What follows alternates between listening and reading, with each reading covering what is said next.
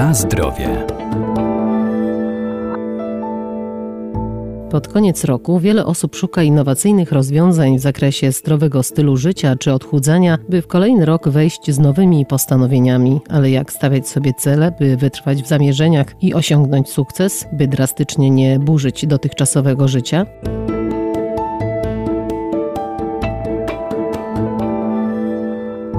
Postanowienia noworoczne podejmuje coraz więcej osób w nadziei na pozytywne zmiany w kolejnym roku. Najczęściej są to plany związane ze zmianą stylu życia i zgubieniu zbędnych kilogramów, ale przede wszystkim nie powinniśmy stawiać sobie postanowień ogólnych, które często wymagają kompleksowych zmian i nie są realne do zrealizowania w krótkim czasie. Postanowienia noworoczne rzeczywiście sprzyjają temu, że część osób, która dostrzega problem nadmiernej masy ciała, próbuje podejmować takie wyzwania i to jest absolutnie cenna inicjatywa. Profesor profesor Paweł Glibowski, Wydział Nauk o Żywności i Biotechnologii Uniwersytetu Przyrodniczego w Lublinie. Dlatego, że no, wiele badań też pokazuje, że ta nadmierna masa ciała jest problemem. I nie tylko chodzi o kwestie samopoczucia czy estetyki, ale również po prostu konkretnie wpływa na nasze zdrowie.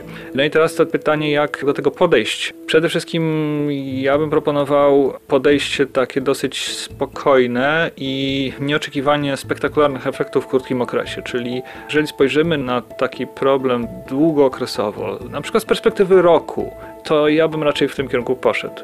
Jeżeli chcemy uzyskać efekty w ciągu tygodnia, dwóch, trzech, no to można rzeczywiście trochę się rozczarować i można nie wytrwać w tym, więc y, myślę, że przede wszystkim to jest jeden z takich najważniejszych punktów. Druga rzecz, nie musi dojść do jakichś radykalnych zmian w diecie czy w naszym zachowaniu. Czasami wystarczy drobna zmiana. Jeżeli ktoś na przykład słodzi herbatę czy kawę i gdyby zrezygnował z tego słodzenia, to y, i wytrwał w tym, na przykład przez cały rok, to ma szansę e, stracić nawet e, kilka, a może nawet kilkanaście kilogramów w skali roku, pod warunkiem, że nie będzie sobie tego rekompensował.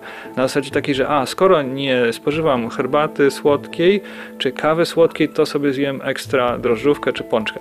Jeżeli mówię, tylko by taka zmiana nastąpiła, to naprawdę da to efekt w długim okresie.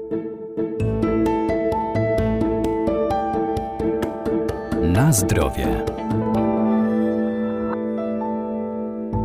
Kolejna zmiana to rezygnacja z podjadania niezdrowych przekąsek i przede wszystkim wprowadzenie regularnej aktywności fizycznej, zaczynając od najprostszych form ruchu. Kolejna zmiana, którą można zrobić, drobna zmiana, jeżeli chodzi o aktywność fizyczną, czyli może i porzucenie komunikacji na rzecz spaceru, może, może rezygnacja z windy na rzecz przejścia na piechotę kilka pięter. I to również może działać w długim okresie, pod warunkiem znowu, że nie będziemy sobie tego rekompensować. A, a więc tego typu drobne zmiany i wytrwałość może zakończyć sukcesem.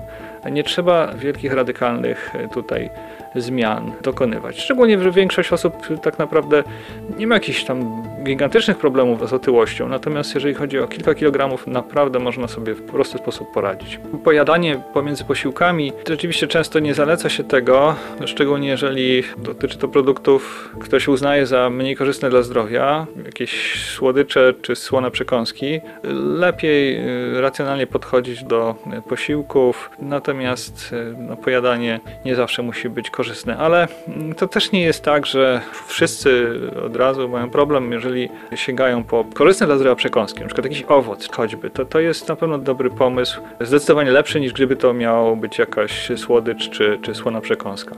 Generalnie regularność posiłków jest zalecana bardziej ze względu na reakcję naszego organizmu, na zdolność trawienia. Jeżeli na przykład ktoś chciałby spożywać jeden duży posiłek w ciągu dnia, no to strasznie obciąży swój organizm i badania pokazują, że spożywanie tylko jednego posiłku w ciągu dnia y, no, zwykle przyczynia się do zwiększonego ryzyka nadwagi i otyłości. Natomiast już, już trzy posiłki dziennie wyraźnie to ryzyko obniżają i tu już w zasadzie nie ma e, różnic e, istotnych pomiędzy tymi, co spożywają 3, 4 czy, czy 6 posiłków dziennie. Natomiast często ta większa liczba posiłków wynika z potrzeby albo ze stanu zdrowia, ale tutaj obfite spożywanie jednego posiłku może no, niekorzystnie niestety w długim okresie odbić się na, na naszej wadze.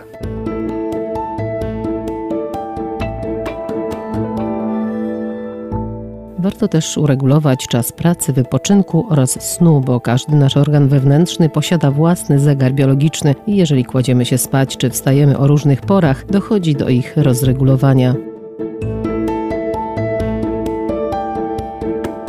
Na zdrowie.